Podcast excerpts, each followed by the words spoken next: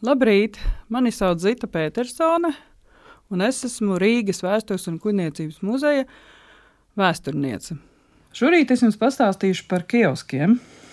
Līdz pat 19. gadsimtam kioski atradās Rīgas pilsētā privātu personu rokās, un tikai 20. gadsimta sākumā Rīgas pilsētas pašpārvalde savā pārņēma šo jomu un sāka celt jaunus, modernus, arhitektoniski atbilstošus kioskus. Un tā Rīgā laikā no 1904. līdz pat Pirmajam pasaules karam uzcēla no paredzētiem 19 tikai 15 kioskus.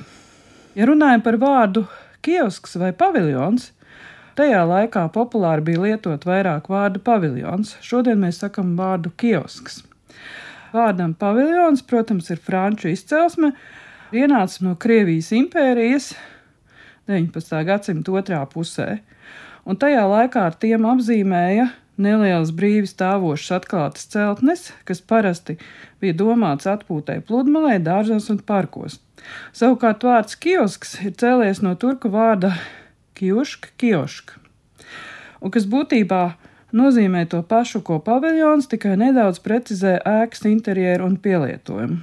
Šobrīd mēs ar vārdu paviljons apzīmējam vairāk visāda veida celtnes izstādēm, kinofilmu uzņemšanai un tirzniecībai, bet par sīktirzniecības celtnēm parasti lietojam vārdu kiosks. Tajos laikos kioskos iebūvēja daudz un dažādas telpas.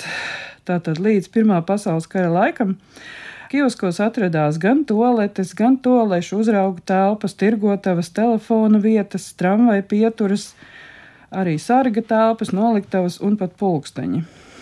No tā laika kioskiem šobrīd mēs pazīstam tikai piecus kioskus. Tātad viens atrodas Kalpaka bulvārī un Elizabetes stūrī, kur ir cēlis Reinholds Šmēlings. Tad mums vēl ir viesturdārza kiosks, ir arī Mērķeļa un Tērbetas ielā kiosks un arī Elizabetes Tērbetas un Hospitāļa un Miera ielas stūrī.